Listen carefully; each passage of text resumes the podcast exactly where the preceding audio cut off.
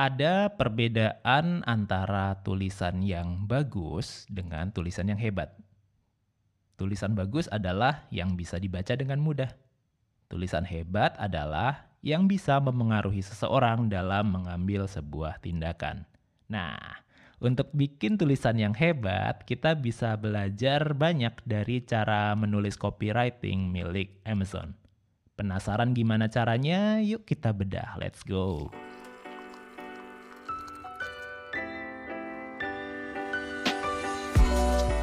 Hai, selamat datang di Brondang Branding. Tempat kamu bisa dengerin topik seputar bisnis, marketing, kreatif, dan segala hal di antara ketiganya. Bareng saya Lintang Noviantara, setiap hari Senin, di sini kamu bisa dengerin insight yang mungkin bermanfaat untuk pertumbuhan brand yang sedang kamu bangun. Bro, dan branding. Karena kalau terlambat, pertumbuhan brandmu bisa terhambat.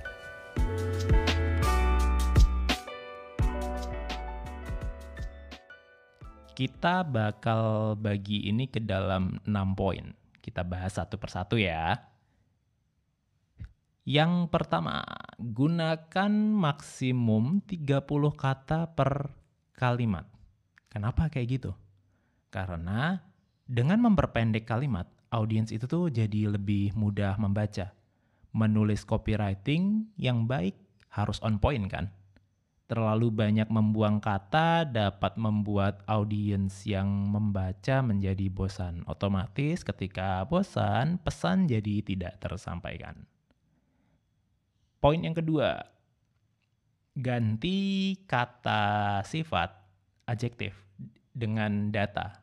Pokoknya ketika kita nulis kata sifat di dalam sebuah kalimat, coba ganti itu dengan data. Contohnya apa? Kata sifat itu kan ada beberapa, ada banyak ya, ada banyak banget dan mungkin kalau kita ambil contohnya kayak, nah kayak yang barusan aku bilang tadi tuh, ada banyak gitu. Kata-kata seperti banyak, keren, tinggi, itu kan sifatnya sangat subjektif. Tinggi menurut siapa, banyak menurut siapa, keren menurut siapa. Nah, ketika kita membuat sebuah tulisan persuasif, tulisan yang kita kita bikin copywriting gitu ya itu sebaiknya kata-kata kayak banyak keren tinggi itu tuh kita ganti sama data. Kata sifat itu juga rawan membuat arti sebuah kalimat menjadi bias.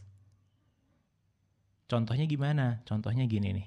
Ya ya tadi ya maksudnya bias itu tuh kan kayak subjektif banget gitu kan. Banyaknya antara aku sama banyaknya antara dia itu akan beda gitu Contohnya gini, kalau kita ubah kata sifat adjektif dengan data itu kayak banyak orang yang memilih opsi A, misalkan kayak gitu. Kata banyak di sini membuat pembaca susah membayangkan. Kayak kalau kita ubah jadi data bisa contohnya 7 dari 10 7 dari 10 orang memilih opsi A Nah, sekarang kan jadi lebih jelas ya, banyak itu tuh berapa? Oh, banyak itu tuh ternyata 70% gitu. Daripada kita bilang banyak orang memilih opsi A, kita bisa ganti jadi 7 dari 10 orang memiliki eh memiliki lagi. 7 dari 10 orang memilih opsi A. Sorry belepotan, guys. Poin yang ketiga, poin yang ketiga adalah hilangkan kata-kata yang gak penting. Kadang saat sedang asik menulis, kita biasa melakukan pemborosan kata.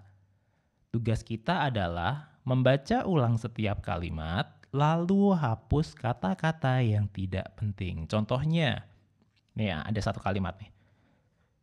Bisa jadi akan ada peningkatan penjualan apabila Anda menulis landing page dengan formula yang kami buat.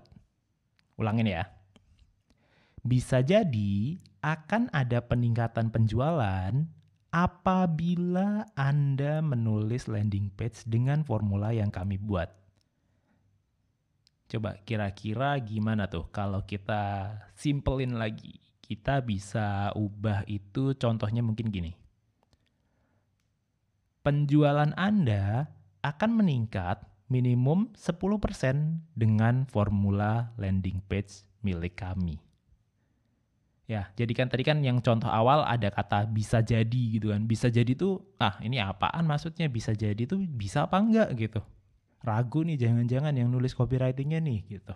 Terus yang tadi juga ada kata apabila Anda gitu. Apabila itu kan kayak masih bikin apa ya masih bisa kita ubah jadi lebih simple, lebih on point, lebih langsung ke maksudnya ini tuh mau ngapain sih? Kan poinnya adalah apa nih yang mau ditingkatin penjualan Anda? Meningkatnya seberapa banyak? 10%. Dengan apa? Dengan formula landing page yang milik yang kami miliki gitu. Ya udah berarti penjualan Anda akan meningkat minimum 10% dengan formula landing page milik kami.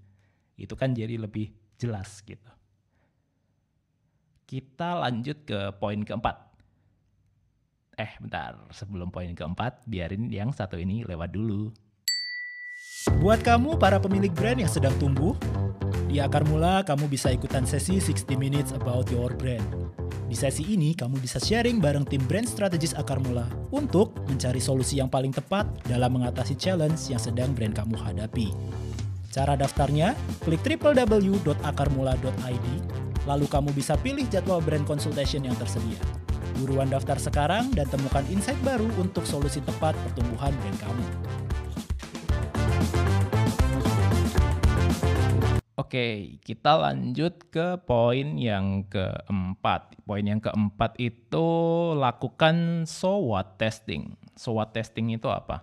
Gini, setelah kita menulis pesan persuasif, baca ulang setiap kalimat dengan keras. Kamu bakal ngerasa nantinya, apakah kalimat tersebut sudah efektif atau belum?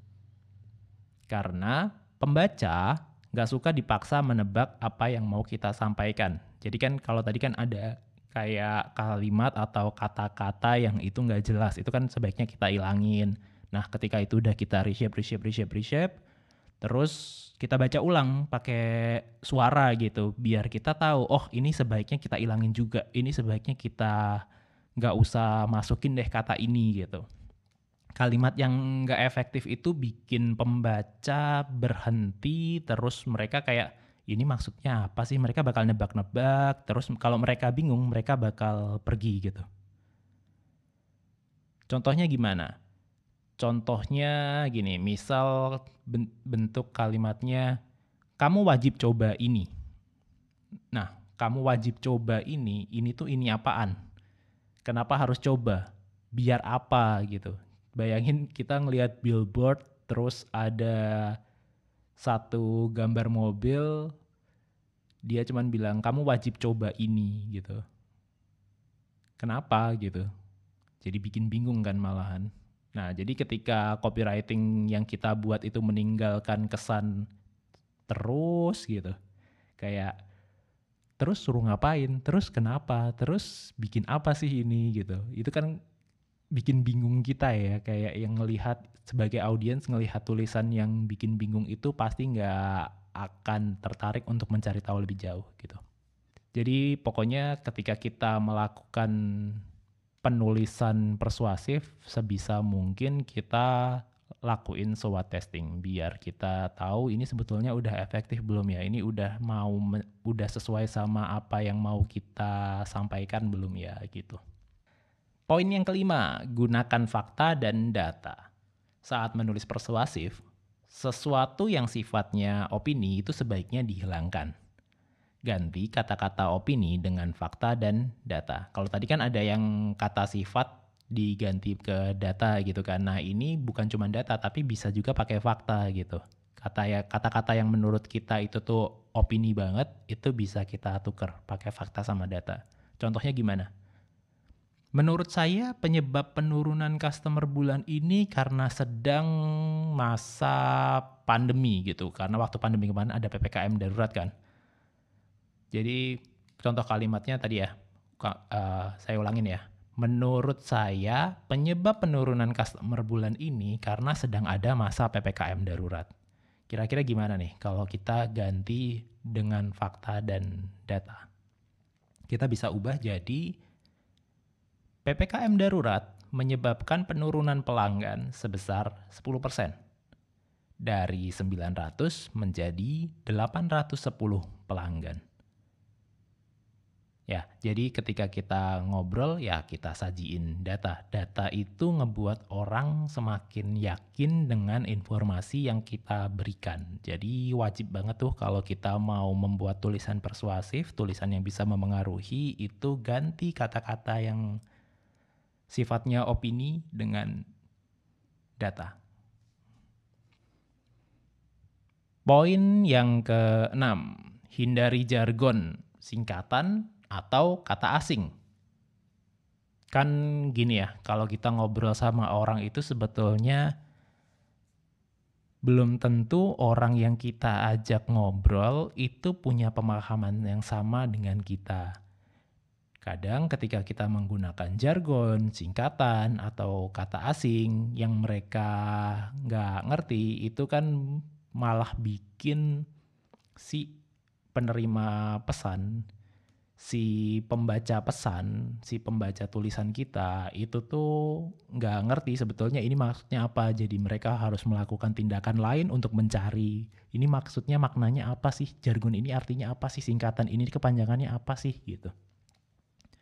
Daripada pakai kata-kata yang bikin bingung, coba kita deskripsikan itu semua dengan bahasa yang mereka juga mudah untuk memahami gitu.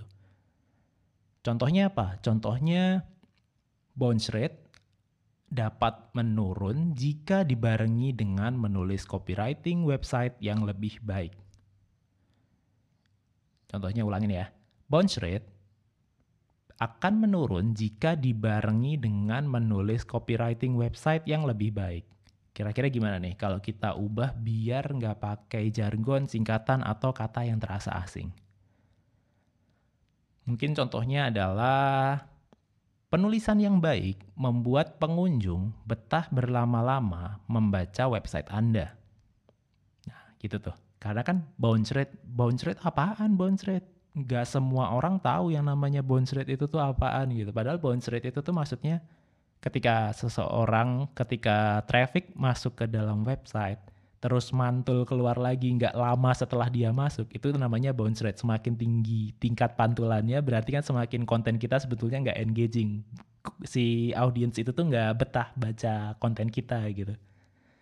Jadi maksudnya bounce rate itu kan kalau dia masuk ke website kita terus dia langsung cabut tuh, langsung nutup tabnya. Nah itu berarti dia kan nggak engage sama konten kita tuh. Nah itu tuh yang dimaksud namanya bounce rate. Makanya tadi kalimat pengubahnya, yang kalimat yang kita ubah adalah jadi gini, penulisan yang baik membuat pengunjung betah berlama-lama membaca website Anda. Nah berlama-lama di sini itu tuh menggantikan kata bounce rate tadi. Oke, kita sampai di akhir episode. Apa yang bisa kita simpulkan hari ini?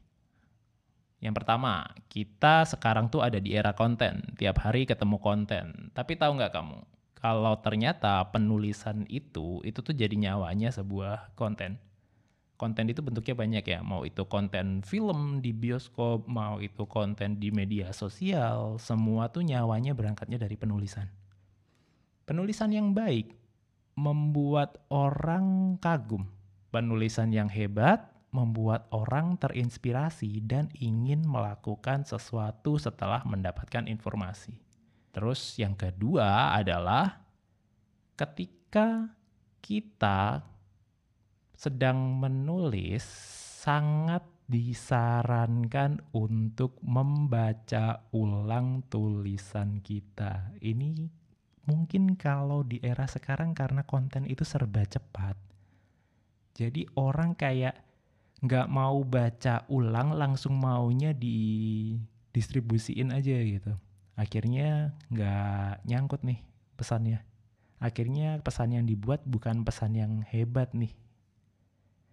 Nah jadi sebisa mungkin ketika kita nulis untuk konten persuasif untuk kita waktu lagi bikin copywriting sebisa mungkin baca ulang terus kita reshape, reshape, reshape sampai akhirnya oh ini udah dirasa cukup oke okay untuk kita distribusikan. Ya, semoga dengan melakukan itu semua tulisan yang kita buat adalah tulisan yang hebat.